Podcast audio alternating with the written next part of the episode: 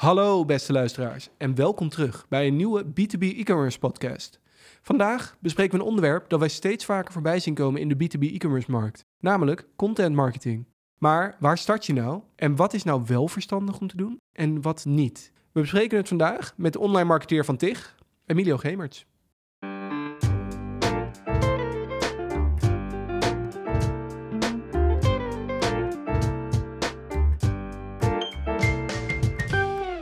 Zo, welkom Emilio. Yes, bedankt dat ik mag meedoen aan de podcast. Ja, nou, met, uh, met alle plezier natuurlijk. Uh, je bent natuurlijk ook betrokken bij de podcast, hè, met de zaken die we verder omheen doen en hoe we er verder mee naar buiten stappen. Ja, ja maar je, je, was nog nooit naar voren gekomen om te spreken zelf. Dus ik dacht, uh, nou, als er een moment is, dan is het dit onderwerp wel. Ja, zeker. En ik ben vooral ook heel benieuwd naar jouw perspectieven erop. Ik denk dat heel veel mensen wel op ongeveer een globaal beeld hebben met wat content marketing nou precies is. Maar misschien goed om uit jouw uh, mond te horen. Wat, wat beschouw je als content marketing? Content marketing is voor mij een uh, heel erg breed begrip. Ja, je hebt natuurlijk op internet wel eens uh, blogs of social media posts, afbeeldingen, video's, allemaal wel eens voorbij zien komen. Dat valt ook allemaal onder content. Maar in de basis is content een veel simpeler begrip. In principe is het gewoon informatie die je deelt met je doelgroep. Content kan, zoals ik aangaf, uit een heleboel verschillende dingen bestaan. Maar bedrijven zetten het voornamelijk in om hun doelgroep te bereiken. En daarmee hun verder te helpen in de customer journey. Dus content marketing bestaat eigenlijk uit het delen van informatie op een bepaalde manier waarop je je doelgroep kan bereiken en verder kan helpen in de customer journey van het bedrijf. Betekent dat dat de content marketing altijd gericht is op mensen die op zoek zijn naar informatie? Of kan het ook zijn voor mensen die misschien niet eens weten dat ze naar zoeken, maar daardoor ergens terecht komen? Uh, dat is meer afhankelijk van het type content dat mhm. je um, hebt. Als we een blogartikel als voorbeeld nemen, dan is het, zijn het voornamelijk wel mensen die echt actief op zoek gaan naar een bepaald uh, type informatie. Bij een ander type content, laten we zeggen een uh, afbeelding die toevallig op social media voorbij ziet komen, dan is de lezer er natuurlijk niet actief naar op zoek. Dus het, het kan allebei.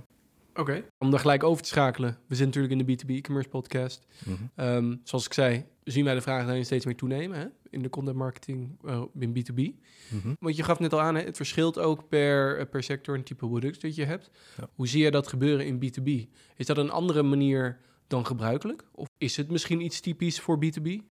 Wat ik bij B2B voornamelijk zie, is dat er op een andere manier wordt omgegaan met uh, content marketing. Bij B2C zie je vooral dat het om hele uh, snelle, voornamelijk social content gaat. Er wordt daar vaak ook uh, user-generated content ingezet, waar bijvoorbeeld gebruikers of klanten in de spotlight worden gezet.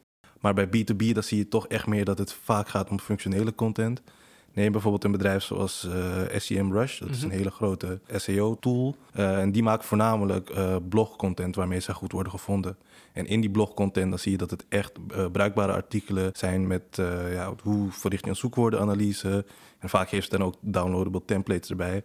Dus ja, wat ik zie in de B2B-markt is dat het echt vaak om bruikbare, functionele content gaat. In vergelijking met de B2C-markt. Oké, nou dat is sowieso al een interessante bevinding.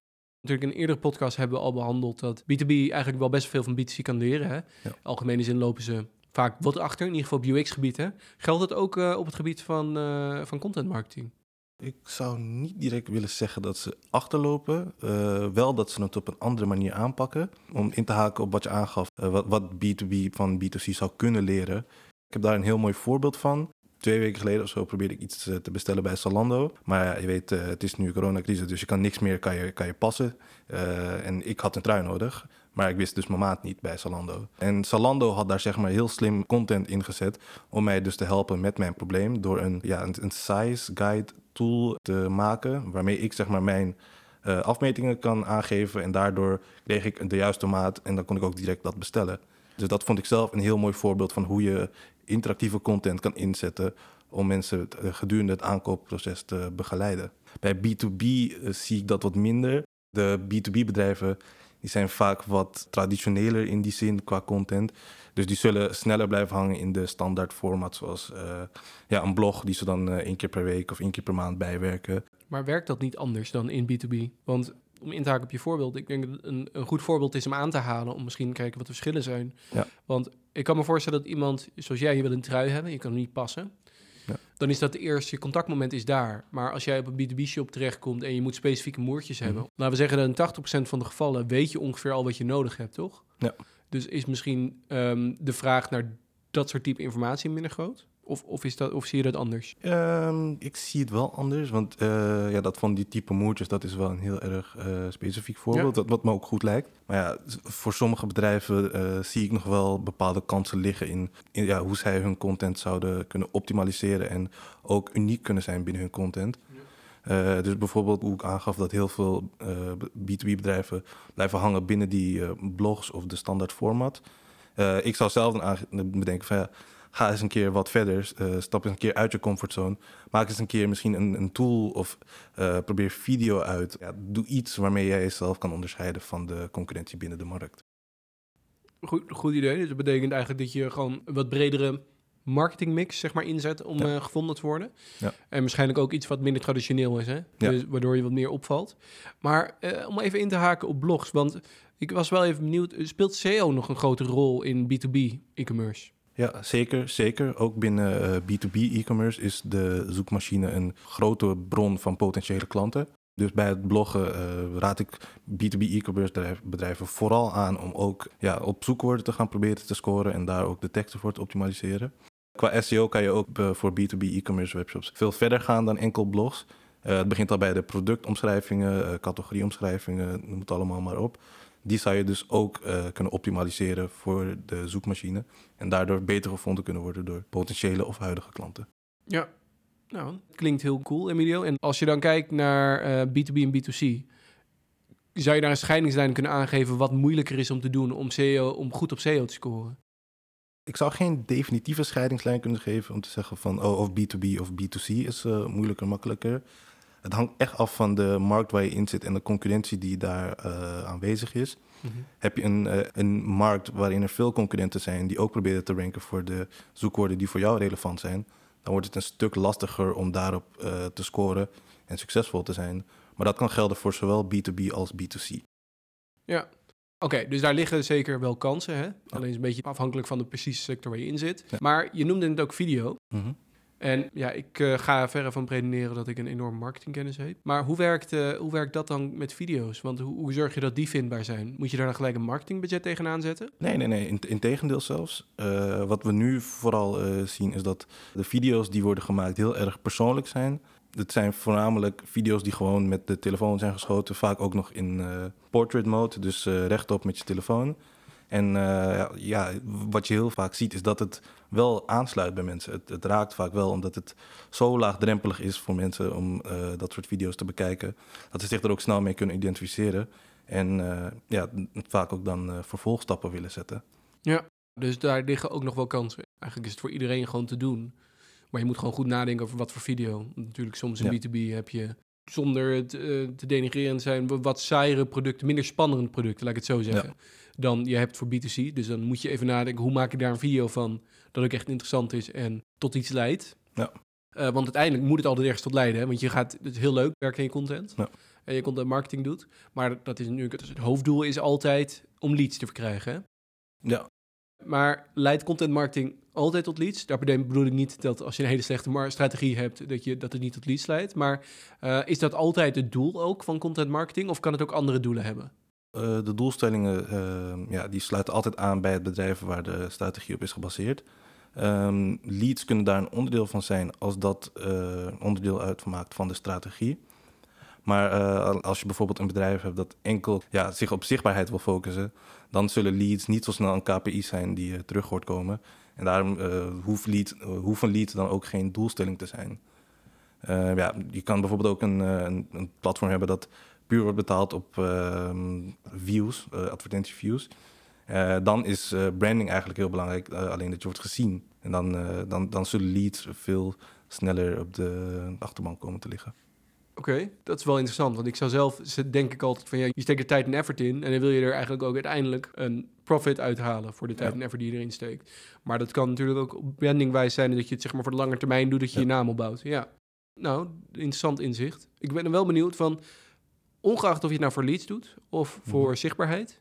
Um, hoe, hoe meet je dat soort zaken? Hoe weet je of je eruit haalt wat je vooraf als doelen hebt gesteld? Zijn daar handige tools voor? Of ja, wat, wat zijn manieren voor om te kunnen meten wat de effectiviteit is van je, van je efforts voor je content marketing? Ja, hoe ik het zelf aanvlieg is uh, dat de doelstellingen uh, vooraf bepalen, dat dat heel erg belangrijk is. Je wil altijd weten waar je naartoe werkt. Dus uh, het vooraf bepalen van doelstellingen is daarom uh, ontzettend belangrijk. Het meten, die, dat kan je doen door daar onder die grote doelstelling, daartussen doelstellingen aan te hangen. dus laten we zeggen als voorbeeld, ja, ik wil binnen twee maanden wil ik 4000 website visits hebben. Dan zou je dat zeg maar kunnen meten. Natuurlijk zijn er ook uh, bepaalde tools die je daarbij kunnen helpen. Dus in dit geval van website visits zou je dan kunnen kijken naar uh, een tool zoals Google Analytics of Mixpanel. Uh, die houden, houden, al je website statistieken bij. Maar het, het meten van de, de, succes van je content is echt afhankelijk van wat jij ervan verwacht, de doelstellingen die je hebt en natuurlijk de doelstellingen van je bedrijf. Het is altijd goed om te zorgen dat die op elkaar aansluiten. En op basis daarvan kan je dan de juiste tooling gaan bepalen. En als we dan even inhaken op wat je eerder zei, hè, dus het kan ook gaan om dat mhm. je uh, gezien wordt ja. en voor je branding. Is dat te meten met uh, Google Analytics? Deels. deels. Je kan natuurlijk altijd meten hoeveel page views je hebt, dus hoeveel mensen je website bezoeken, hoeveel mensen doorklikken naar een andere pagina, hoeveel een bepaalde pagina is bekeken. En als je dan nog een stap verder wil gaan om in, in te haken op dat gedeelte over leads, natuurlijk hoeveel mensen het sign-up proces hebben afgerond. Ja, dus dit zijn allemaal metrics die je in Google Analytics en Mixpanel ook zelf zou kunnen vinden. Ja, het is alleen afhankelijk van wat jij zou willen weten. Nou, dan wil ik wel een kritische site note bij aanleggen. Want dan ben ik wel benieuwd van hoe werkt dat dan als ik... Um, stel, ik ben gestart met video. Ik ben gestart met artikelen, met blogs. En ik ben gestart met, laten we zeggen, marketing extern. Op, mhm. op een billboard. Ja. En ik zie daarna een groei hoe kan ik dan attribueren waar wat vandaan komt? Offline, dus met dat billboard, is dat nogal lastig te doen. Er zijn wel manieren, maar die vind ik zelf nogal omslachtig. Dat je bijvoorbeeld een QR-code op, de bill, op een billboard kan zetten, dat de mensen die die hebben gezien op een bepaalde landingspagina komen, dat je het zo kan meten. Ja. Uh, voor al je online uitingen, dus voor alle blogs, uh, e-mail bijvoorbeeld en video. Als je dan links naar jouw eigen website plaatst, dan kan je daar UTM-codes eh, van maken. Dan kan je in Google Analytics exact uh, aflezen waar de bezoekers vandaan komen, wat zij doen op je website, wanneer zij deze verlaten en alle andere overige uh, metrics die je dan nog zou willen weten. Dus uh, het is zeker meetbaar met, met behulp van UTM-codes. Oké, en als ik dan in de situatie zit, hè, want in B2B kan het voorkomen dat ik een artikel langs zie komen terwijl ik in mijn weekend thuis zit. Mm -hmm. En ik denk van, oh, nou, nou we hebben net doen alsof TIG een B2B-webshop is. Mm -hmm. um, oh, ik zie TIG voorbij komen daar wil ik maandag wel naar kijken. En je slaat het gewoon op in je notities, de naam.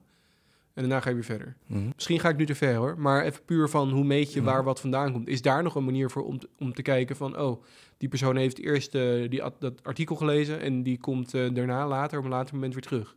Er zijn in Google Analytics sowieso statistieken voor uh, returning visitors. Ja. Ik zal het alleen even verder moeten uitzoeken om te specificeren... of je dat ook op de manier doet die jij nu voorschrijft.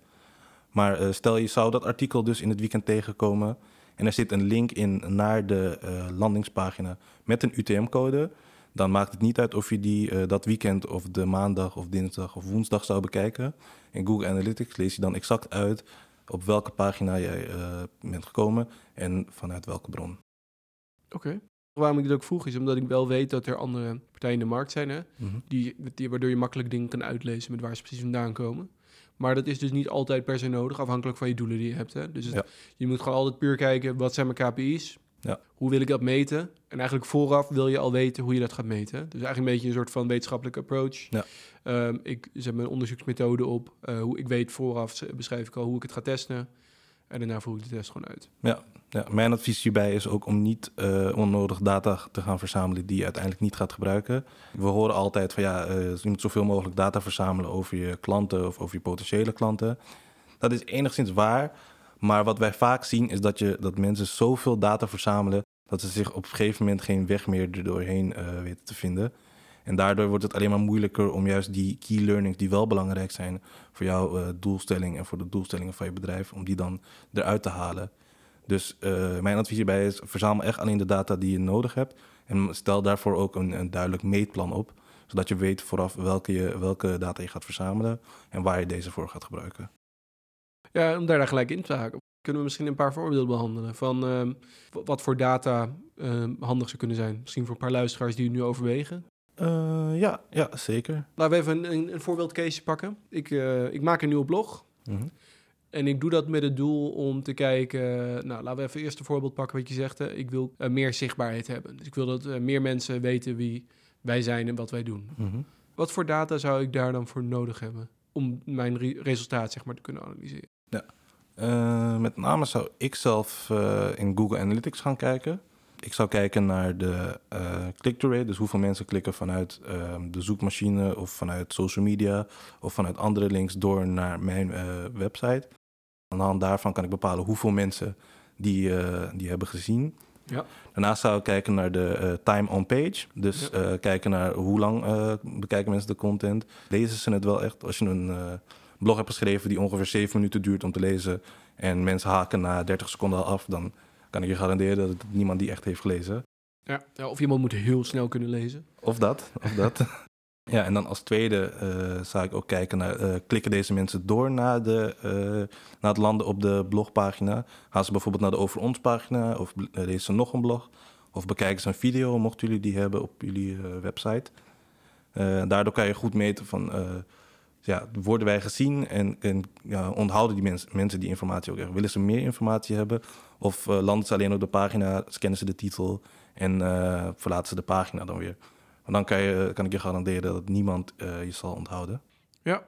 En wat je eerder noemde, hè? dus als mensen de pagina gelijk verlaten... Mhm. dat heet een bounce rate, toch? Als Ja, goed heb. klopt. En die is vrij key, denk ik, hè? Ja, maar heel veel bedrijven staren zich daar ook op blind. Ja, want is het geen probleem als ik, eh, ja, laten we even zeggen, ik heb een, ehm, ik heb een blog en mensen klikken door naar mijn blog. Ja. Eh, ze lezen hem wel zeven minuten uit, maar daarna gaan ze gelijk weer weg. Dat hoeft niet direct een probleem te zijn. Want als jij bijvoorbeeld een, ehm, een blog schrijft over ja, eh, hoe maak ik mijn kattenbak schoon. En in jouw blog geef je een gedetailleerd antwoord op hoe iemand een kattenbak schoonmaakt. Dan heeft de bezoeker heeft zijn antwoord gevonden. En dan hoeft hij ook zeg maar, niet meer door te klikken naar een andere pagina. Ja, een, een hoge bounce rate betekent daar in dat geval niet direct dat eh, de content niet aansluit op de vraag van de zoeker. Maar dat juist dat hij zo goed aansluit dat je antwoord hebt gegeven en dat hij dan eh, niet door hoeft te zoeken. Is ook een fair point. Maar wat je dan waarschijnlijk wel wil doen, hè? Dan zou je waarschijnlijk wel willen dat je instelt, zoals je eerder zei, dat je, um, dat je ziet of iemand terugkomt later. Ja, dat eh, zou ik zeker ook blijven meten. Ja. Want zo eh, kan je zien wie, eh, wie terugkomen, hoeveel mensen terugkomen en of je dan eh, ja, door moet gaan met de huidige contentstrategie die je hanteert, of dat je daaraan gaat moeten gaan sleutelen. Oké, interessant. Dat is dus branding, hè? Mhm. Stel, we willen leads binnenhalen. Ik heb artikelen geschreven en het doel daarvan is om uiteindelijk leads binnen te krijgen. Mhm. Hoe zou ik dat dan doen? Hoe zou ik dat kunnen meten? Want ik kan me heel goed voorstellen dat de situatie, als je die net beschrijft, iemand leest een artikel van zeven minuten Mhm. en bounce daarna. Nou, daar moet je zelf niet op blind staren, want misschien is iemand compleet onder de indruk en gaat hij naar een collega toe om te vertellen hoe fantastisch het wel niet is. En dat we daar volgende keer moeten kopen, maar hun buying cycle is drie maanden. Ja.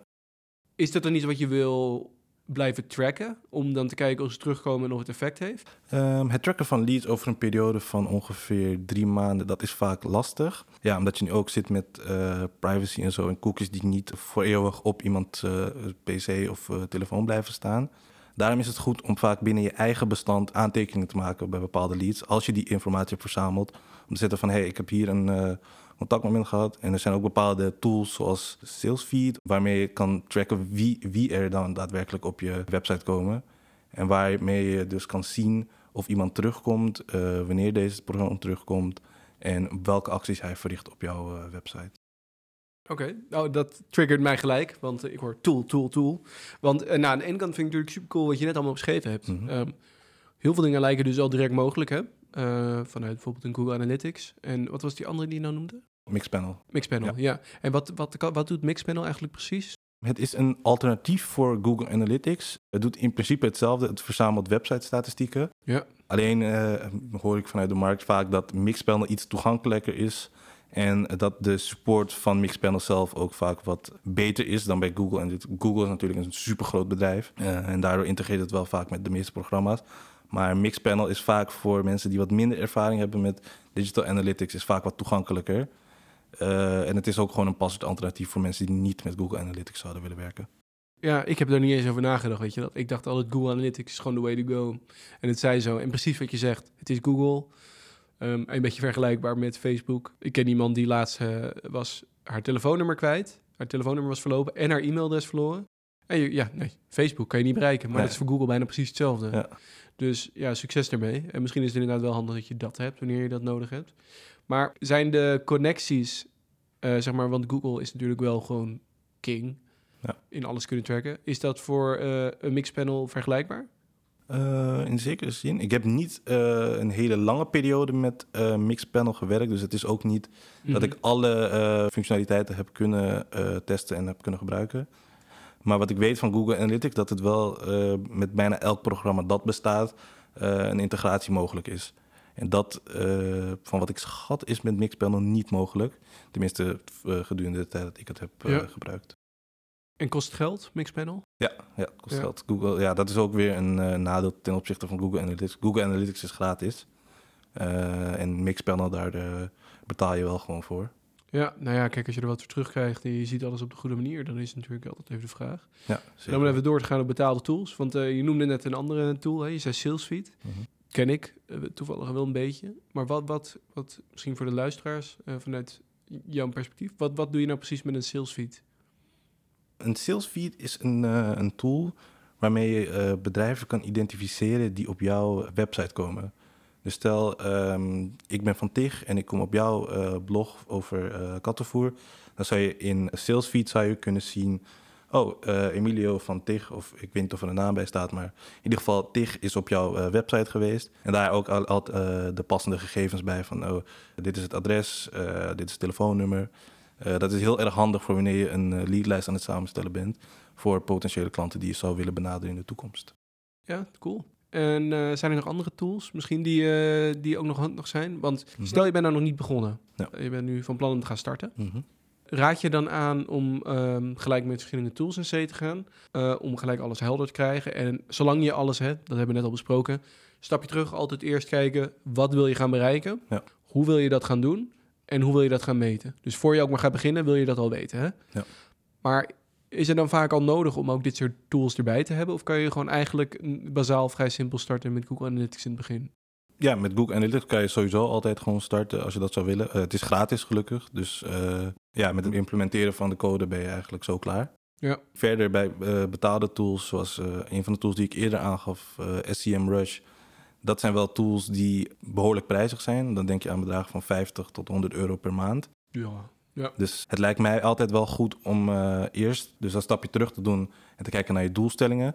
En op basis daarvan gaan kijken van oké, eh, ik wil dit en dit gaan meten. Daarvoor heb ik deze en deze tools voor nodig. Eh, ik wil dit en dit gaan onderzoeken. Dat ik daar, daarvoor heb ik deze en deze tools voor nodig. Dat je dat zo een beetje aanvliegt.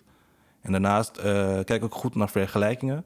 Want er zijn heel veel tools die in de basis dezelfde functie verrichten. Maar vaak dan hebben ze net één of twee features die de ander dan niet heeft. Dus het is wel goed om te kijken naar wat past bij jou, wat heb jij nodig en eh, wat past binnen jouw strategie. Oké, cool, Emilio. En goed om te horen dat er verschillende opties zijn en dat je niet altijd gelijk eh, met de full shabam hoeft te starten en alles weer aanschaffen. Maar zolang het past, is het goed om daar wel van het begin naar te kijken en niet allemaal uit te sluiten. Dus ik denk eh, dat er best wel wat handvaart zijn meegegeven om eh, eh, stappen te maken in content marketing. voor degenen die hier luisteren en daar al mee bezig waren. Maar ook voor degenen die nog moeten starten. Ja, en bedenk wel, het hoeft niet altijd in één keer heel prijzig te zijn met heel erg de hoogte in. En je hoeft hele artikelen en tijdschriften te schrijven. Begin gewoon en dan kijken hoe we daarmee starten. En gewoon testen, testen, testen, testen. Ja, zeker. Ja, ik ben heel erg benieuwd hoe dat jullie allemaal vergaat. Ik vond het heel leuk, interessant om hier het over te hebben. Over twee weken zijn we weer terug met een nieuwe podcast. Iets ander thema, eh, maar dan gaan we het hebben over recruitment in B2B e-commerce. Eh, wat ik ook wel een heel interessant thema vind. Want je hebt natuurlijk zowel over developers als product owners. Dus waar moet je nou over nadenken? Wat voor skills moet iemand hebben? En wanneer past het nou wel en wanneer past het niet? Mocht je die podcast echt niet willen missen. En daarnaast meerdere aankomende podcasts. Samen met eh, interessante spelers uit de markt. Denk aan betaalproviders. Degene die de review voor jullie verzorgen.